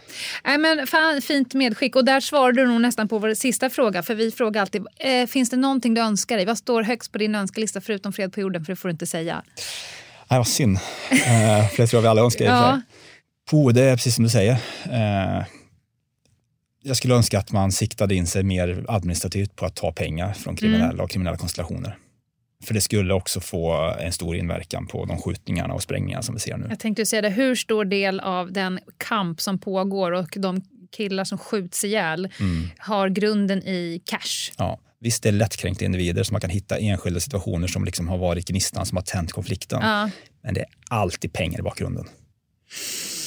Det får nog vara slutorden. Jag är, känner mig otroligt övertygad om att det här kommer bli ett jättepopulärt eh, avsnitt. Det var superintressant. Eh, tack snälla för din expertis. Jag har gjort mentala noteringar över saker som vi skulle kunna prata vidare. Du kommer mest troligt få en, en återinbjudan till podden. Vi gör så med människor så som vi känner sitter på, på mer. Vi skulle kunna prata liksom ett helt avsnitt om bankskandalerna eller någonting annat. Mm. Ja. Eh, tack snälla. Vi kommer nu att eh, gå på paus och efter den kommer vi runda av med något och mycket mer lättsamt. Anna kommer dra en jätte, jätteviktig lista. Det bra. Tack. Tack. Ett poddtips från Podplay. I fallen jag aldrig glömmer djupdyker Hasse Aro i arbetet bakom några av Sveriges mest uppseendeväckande brottsutredningar. Går vi in med hemlig telefonavlyssning och, och då upplever vi att vi får en total förändring av hans beteende. Vad är det som händer nu? Vem är det som läcker? Och så säger han att jag är kriminell, jag har varit kriminell i hela mitt liv men att mörda ett barn, där går min gräns. Nya säsongen av Fallen jag aldrig glömmer på Podplay. Ja, men välkomna tillbaka till krimpoddarnas krimpodd. Och det är avsnitt 308 och eh, Lena har precis intervjuat en expert på penningtvätt. Christian Lynnevant. Mm. Tankar efter den här intervjun, Lena? Tanken var att det var kul att träffa honom igen.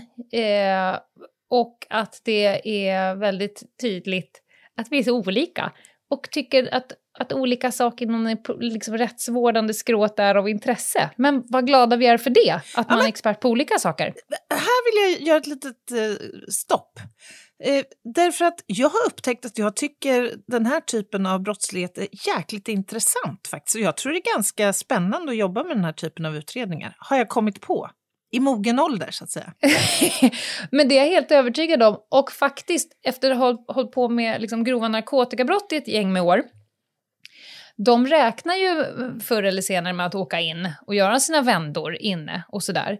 Men det är ju inte förrän man tar dit dem på eh, kulorna, eh, när det får svida på det, i det ekonomiska kuvertet, det är ju då det gör ont för Mm. dem. Så att eh, tack och lov för att Polismyndigheten jobbar med allt från tillgångsutredare till såna här duktiga människor på eh, finanserna. Mm, verkligen, verkligen. För att det ska inte löna sig att hålla på med brottslighet. Det ska svida. Det är väl vårt, vårt, eh, vår absoluta övertygelse. Ja, och jag tror det här är en typ av brottslighet som vi skulle behöva jobba mycket, mycket mer med. Eh, Av den Mm. anledningen som du just var inne på, att det är ju det kanske främsta verktyget för både den grova organiserade brottsligheten men också väldigt mycket mängdbrott som drabbar en väldigt stor mängd människor varje dag. Mm. Bedrägerier till exempel. Absolut.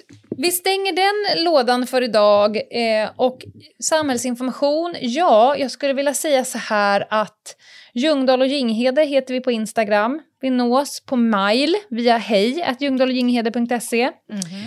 Vi har en hemsida som heter ljungdahloginghede.se där det Just finns det. allt samlat. Allt från Instagram till merch till vad vi håller på med och sådär. Eh, och för er som inte redan har läst vår bok Någon måste dö så är det fan i mig hög tid att ni gör det nu för att vi eh, är långt in i bok nummer två. Och den kommer så att säga komma i, i dagens ljus. För, för övrigt, eh, Anna, jag redigerade ett av dina kapitel igår. Jaha, jaha. Vad spännande. Ska jag få Det- skit nu det igen är- för att jag... Ja. Ja, men det är ju något roligt när, när du liksom i, i en vanlig kontext, inte vet jag om det var någon som typ så tog fram sin matlåda där, där lammbiffen såg dagens ljus när man öppnar locket. Alltså det, är, det finns, alltså jag har så roligt ibland åt dina formuleringar. Såklart. Ja, ja, ja. Det är det som händer. Ja. Den Ja, blottlades. tryckte jag på det lilla, då, då, då, då tryckte jag på det lilla plusset och så kom det upp en liten kommentarsruta där jag skrev baha, ha, ha, ha, ha, ha, ha. Ja. Ja, tack Kul. för den konstruktiva feedbacken. Verkligen. Ja. Men nu Anna, en jätte, jätteviktig lista va? Ja, ja, ja. Den kommer här. Annas jätte, jätteviktiga lista. Ja, veckans lista ja. Och jag tänkte faktiskt köra lite temaenligt idag. Eh, och, och kanske ge lite inspiration till alternativa sysselsättningar till att eh, tvätta eh, pengar. Man kan ju köpa saker för pengar istället. Det, det, Ja. Ja, det kan man göra. Jag hör, vet du, jag hörde för övrigt eh, någon gång att Pablo Escobar, som ju ändå väl får sägas vara en av vår tids eh, främsta penningtvättare. Han, vet du att han la ungefär tusen dollar i veckan på att köpa Mm. gummisnoddar.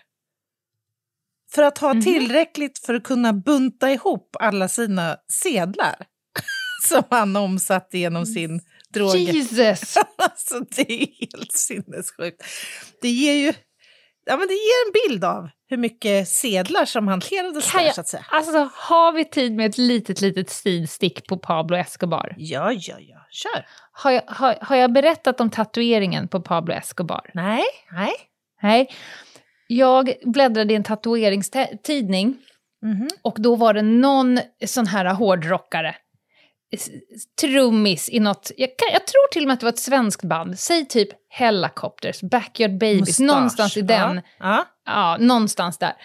Som på fyllan träffade en tatuerare och tänkte att nej men ska vi inte göra slag i saken och gå och tatuera dig här nu på fyllan efter festen? Det är, liksom, det är då de, de bra besluten tas. ja. Sagt och gjort, han går till tatueraren och har då bestämt sig för att ha Pablo Escobar mitt på bröstet. Nej, men- Stort alltså, med såna här lite banderoller och rosor och pistoler. Ja. Kanske sedelbuntar också med gummisnuddar, vad vet jag. Känner sig nöjd med detta. Eh, bor, är då hemma, jag tror att det här var över julen, så han var liksom hemma i sin gamla hemstad och bodde hemma hos morsan. Ja. På morgonen, när han är då inplastad.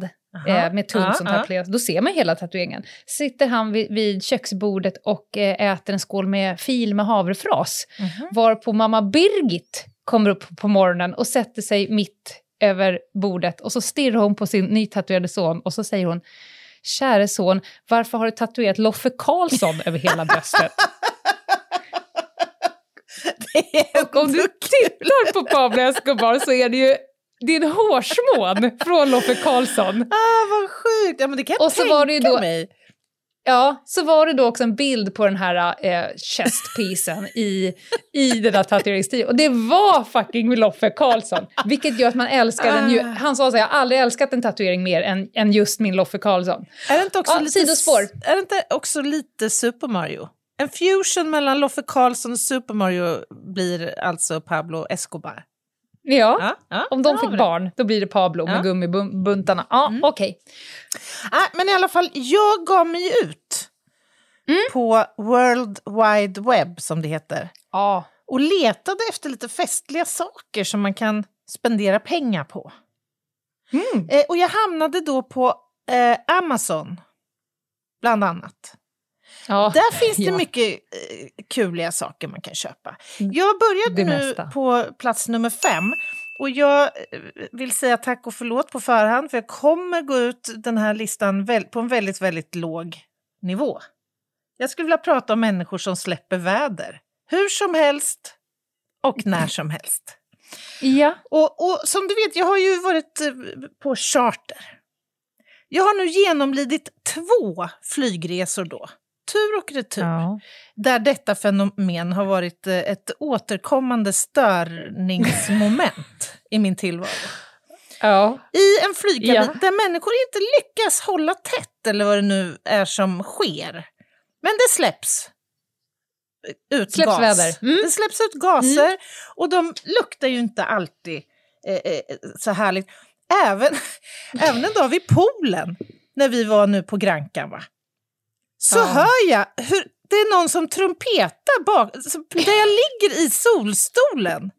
Och genast så tittar jag ju då på min son och tror att det är han som, så att säga, ja du vet, i någon form av ungdomligt oförstånd har, har gjort Ja, detta. ja, ja, ja, ja. Men inser, Ja. nej, nej. Det är en fullt vuxen man i en liten, liten speedo eh, Som bara bikini. fladdrar. Som, Ja. Precis. Som helt ogenerat bara har trumpetat. Nej, så jag tycker det är helt rörande.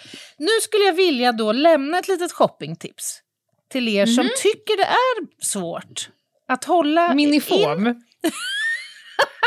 Ska du köpa minifon för lönen? Ja, varför inte? Nej, jag tänkte Ja. i första hand på en så kallad fartvac. Alltså det är, vi pratar nu alltså om en, om du tänker dig en, en slang med en liten, Ja. liten ventil i ena eh, änden. Ja, ja, ja, ja. Och så har du en sån här liten pumpgrej sån, sån här, som, som, som sitter på blodtrycksmanschetter, du vet, som man pumpar upp Ja, eh, som ja. manschetten med i, i andra änden. Och så plas- placerar du nu slangen med ventilen alldeles nära det område, alltså riskområdet där eh, de här gaserna tenderar att, så att säga, sökas ut ifrån. Den ska inte in i Mm. någon hålighet eller så, utan den ska, det, det räcker om den ligger alltså alldeles, alldeles nära. Men vänta, vänta. Ja, ja. Så han med, med speedobrallan skulle då ha lagt slangen Ja. dikt an? Han kommer ju få lite problem, det, så är det ju faktiskt. Ja. Jag tänker att han får lägga Okej. den här pu- pumpmeckan-grejen kanske på Ja. fram, i framstjärten så att säga. Ja, I alla fall, om du nu känner att gas vill ut och det är fel, Mm. fel läge så att säga, ja, då pumpar du upp nu slangen lite grann. Och sen låter Mm. du det ske. Då kommer undertrycket i slangen här nu göra att gasen sugs in och i slangen så sitter ett litet kolfilter som alltså tar om hand de här lukterna i gasen alltså jag ser, nu känner jag mig som dig när jag säger meningen. Jag ser vissa logistiska problem. Är det inte ganska skrymmande att gå och bära på den här? Och hinner du få fram Jo. den? Nej, Eller- den, nej, eller den ligger alltid på den? Ja, Aha. om man nu Som ska en ut stomipåse? Ja, men jag tänker om du ska ut på en flygresa nu och du vet med dig att ja, men jag har svårt att hålla inne gasen, så att säga. Då är det väl ett utomordentligt bra hjälpmedel. Däremot ser jag logistiska problem med att få in gasen genom den lilla ventilen. Det ser jag som ett större problem. Själva siktandet? Ja, jag tror inte det här funkar överhuvudtaget. Men jag tycker det är en kul pryl. Och för 12 dollar så är den din, Lena. Vad hette det här? Eh, fart, fart vac. Alltså det är vakuum. Fart Ja, ja, ja. vacuum. Fart Ja. vac. Jag Mm. måste redan... Jag googlar. Ja. Jaha. Ja, ja, ja. ja, Jag förstår du principen? Mm. Eh, jag går raskt vidare till plats nummer fyra. Och, eh, Fan. Älskar också att det finns YouTube-klipp som beskriver instruktionen. Ja, förlåt. Du kan gå vidare. Plats nummer fyra kanske inte så revolutionerande egentligen och den här punkten handlar om det som sker före du behöver använda din fartvac, det vill säga att du äter olika typer av saker. Och nu skulle jag vilja prata om cheeseburgaren på tub. Alltså idén är väl inte så, så otroligt kontroversiell egentligen. Jag, jag tänker alla eh, människor som har skickats ut i rymden till exempel. De äter väl mycket på, på tub. Jag tänker att det kan finnas praktiska skäl. Ta med, ja, men ta, släng med fem cheeseburgare till mig när vi ska ut på hajken och sådär. Så att det liksom håller Mm. sig. Men alltså, jag tänker smakmässigt verkar det ju helt horribelt alltså. Va? Finns det något crunchy? Hur stor är själva mynningen? Nej, nej, men alltså det här är ju som att du tar en Texas burger eller en cheese, vanlig Ja, ja, ja. Sen purerar du ner den till en slät röra. Jag gissar att den är brun, brunaktig. Och sen Mm. tjoffar du in det i tuben bara. Och, och sen, ja, försegla på något vis då. Och sen när du känner lite sugen, då kan du bara trycka i den i ett tryck. Fan, jag äter ju inte hamburgare i någon form, men det där hade kanske varit den sista. Nej, nej, för sjutton, jag- det där tilltalar inte mig överhuvudtaget.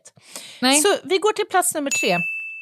Och vi ska faktiskt eh, stanna kvar lite grann på samma tema, men jag tyckte det här var helt otroligt att se eh, vad som säljs där ute. Alltså, du kan köpa en hel alligator att slänga på grillen på Amazon. Och, och Mhm. de, den, de säljs då i olika storlekar. Den minsta kostar 106 dollar plus frakt. Och då är det så att då har man liksom tagit bort då själva skinn, eller vad heter det? Alltså, ja, skinnet. Men lämnat, Pälsen. Päls. Men behåller då huvud och tassarna, eller vad heter det? Benen. Ja, Klo- så vi, vi har Klövarna. lite anatomiska luckor i alligatorkunskapen. Men är det, är det liksom en delikatess, du som köttätare? Har du Eh. hört talas om, om alligatormacka? Liksom? Nej, men jag har aldrig hört talas om det här. Men jag gick ju in då, jag följde den här länken. Surf and turf. Ja, men det är helt sjukt. Alltså, då kan du då slänga upp den här på, på en grill. Om du tänker att du har liksom gjort, format alligatorn som en, som en cirkel. Liksom. Så. Mm. Och så i mitten så Nos ligger det svans. majskolvar och det är potatis. Och det, det är helt, helt befängt. Alltså. Och så, så skriver de då, för det, de, de skickar dem ju i fryst status så att säga.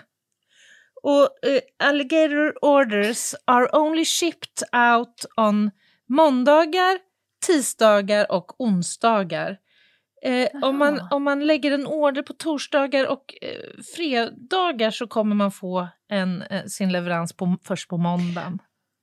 Men får jag bara testa en liten sak på dig? Om det nu visar sig att alligatorn är eh, god, alltså att det smakar, Ja, att det är gott kan kött. säkert vara, det är säkert inget fel på det. Varför är det, det här sjukare än att steka en, Ja, en men jag, kyckling? jag, jag vet, jag tycker det är väldigt konstigt. Bara. För mig är det samma sak. Är det?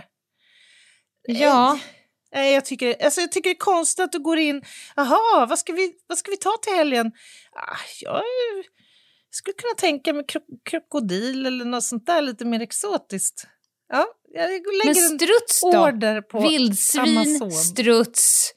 Ja, men vildsvin bäver. är i och för sig gott. Nej, jag tycker bara lite... Jag tycker att det är lite bisarrt alltså, att sälja livsmedel på det här sättet.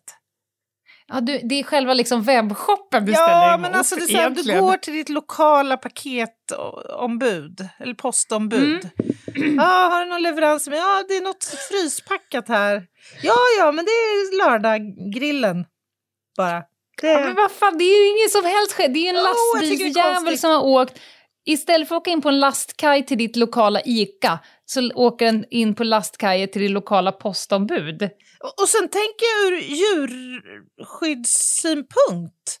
Är inte det här djur Ja. som man inte ska äta upp och sälja så här Alltså, ur, ur kommersiellt? djurskyddssynpunkt tycker inte jag att man ska äta något djur, så jag Nej, är fel person Det finns ju på- mycket djur som behöver ätas lite av också, annars skulle vi ju få för mycket av dem.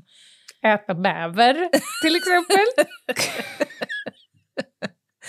Ja, ja, jag, Nej, men jag förstår. Jag bara. ser, nej, jag, jag ser bilderna och jag tycker också att det är otroligt makabert att de, varför ska de låta det här gapande huvudet vara kvar? För Ja. att verkligen signalera att det här är liksom en, en, en person med, med ögon och Det är en mun trofé på något sätt. Ja, det tror jag jag exakt. stör mig på lite. Ja, det sitter ju nå- på en av bilderna sitter ju, jag vet inte, men det känns som att han är från södra Amerikat och har vapen också. Den som sitter med den här ä, Sjukt. alligatorn.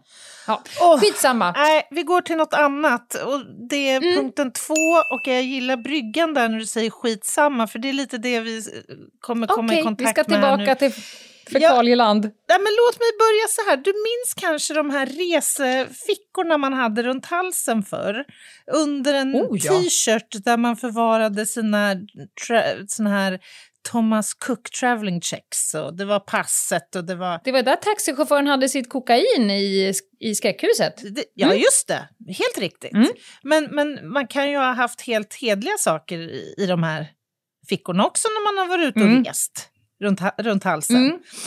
Ja, nu har någon eh, smart person tagit det här to the next level, så att säga. Mm. Eh, du kan alltså nu köpa en...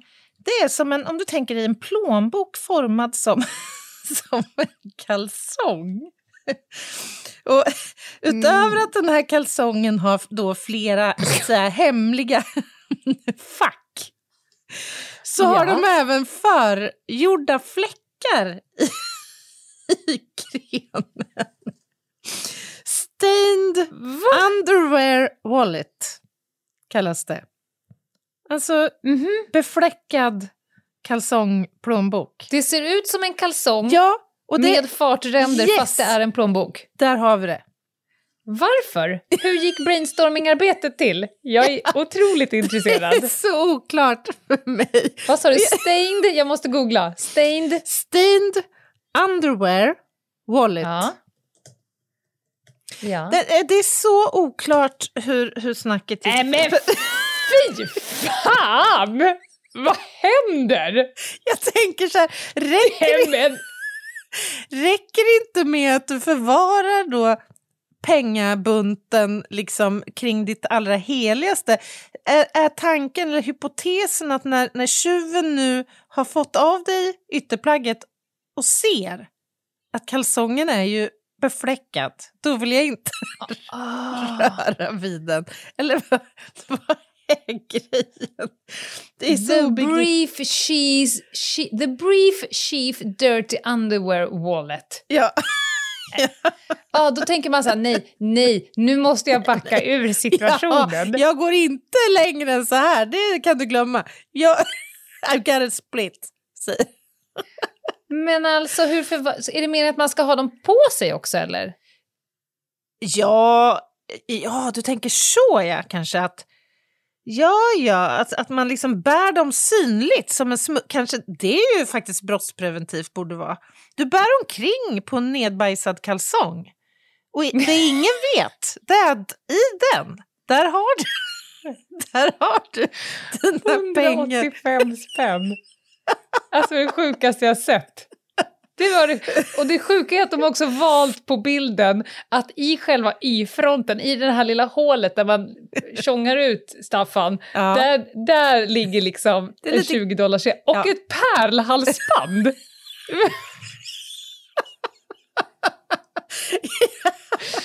det var det sjukaste ja, jag det är sett. så sjukt, men ändå lite lustigt. Ja, ja, ja. Ja. Plats nummer ett kommer här. Ja, men du vet att vi väntar ju på en liten... Vi väntar ju på en liten... Ja, liten... Ja, just det. Just liten- det har inte jag missat. Nej. Eftersom du har hamnat också i en psykos samtidigt som det här beslutet togs. Ja, men det kommer en liten kattpojke hem till oss snart. Och då, då har jag ju varit ute såklart på nätet och letat efter bra att ha-saker. Jag har gjort listor på, på tingestar som ska köpas hem och jag, ja, alltså jag har vidtagit vissa åtgärder. Och nu har jag hittat Mm. en smått genialisk pryl för bara 25 dollar, Lena. Jag, Oj, jag kan köp Jag- två. Jag talar här om en... det är så dumt. Lick, licky your cat hairbrush. Licky Jaha, your cat Okej. hairbrush. Ja, men alltså man vill ju att katten ska njuta av att bli, bli borstad och, och såklart att det kanske sker så nära kattens egna hygienvanor som möjligt. Så därför Ja. har nu då konstruerats en, en borste för att borsta kattens päls med eh, i formen av en tunga som du då placerar då i din mun. Och så, och så borstar du katten. Men katten ska tro att du i själva verket slickar av håret från, från katten. Men Och då- skämtar du med Nej, mig? nej, nej. Du är inte så här dum i huvudet, Anna. Googla gärna. Licky Jag har gjort det, your cat men hairbrush. Och, och då är det så fint, för då, om man går in och läser då på hur, de, hur produkten beskrivs. Då, då Mm. beskrivs licking your cat as an oddly meditative practice. Soothing for you and Kitty.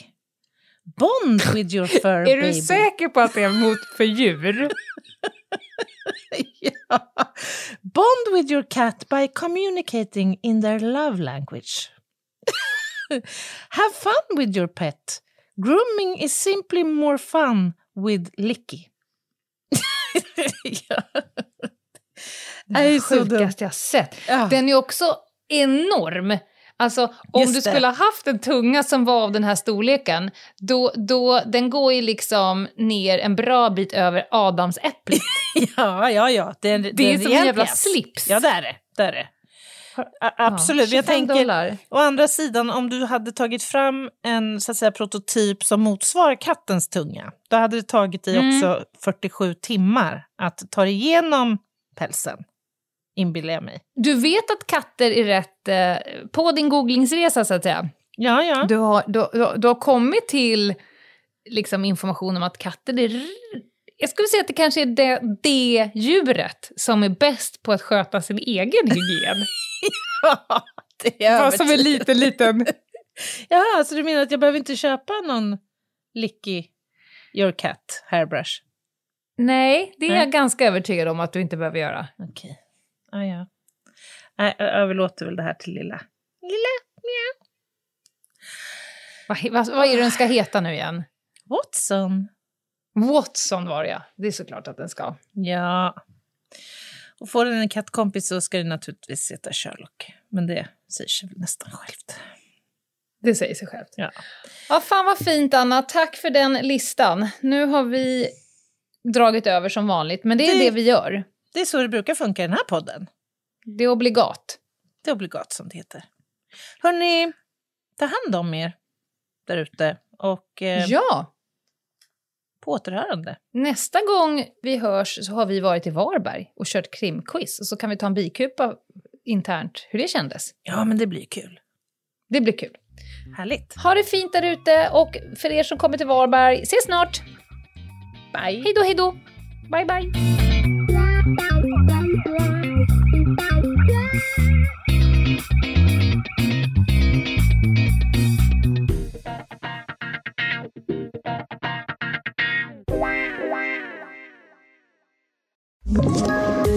Poddtips från Podplay. I podden Något Kaiko garanterar östgötarna Brutti och jag, Davva, dig en stor dos skratt. Där följer jag pladask för köttätandet igen. Man är lite som en jävla vampyr. Man har fått lite blodsmak och då måste man ha mer. Udda spaningar, fängslande anekdoter och en och annan arg rant. Jag måste ha mitt kaffe på morgonen för annars är jag ingen trevlig människa. Då är du ingen trevlig människa, punkt. Något Kaiko, hör du på Podplay. Därför är gardinerna.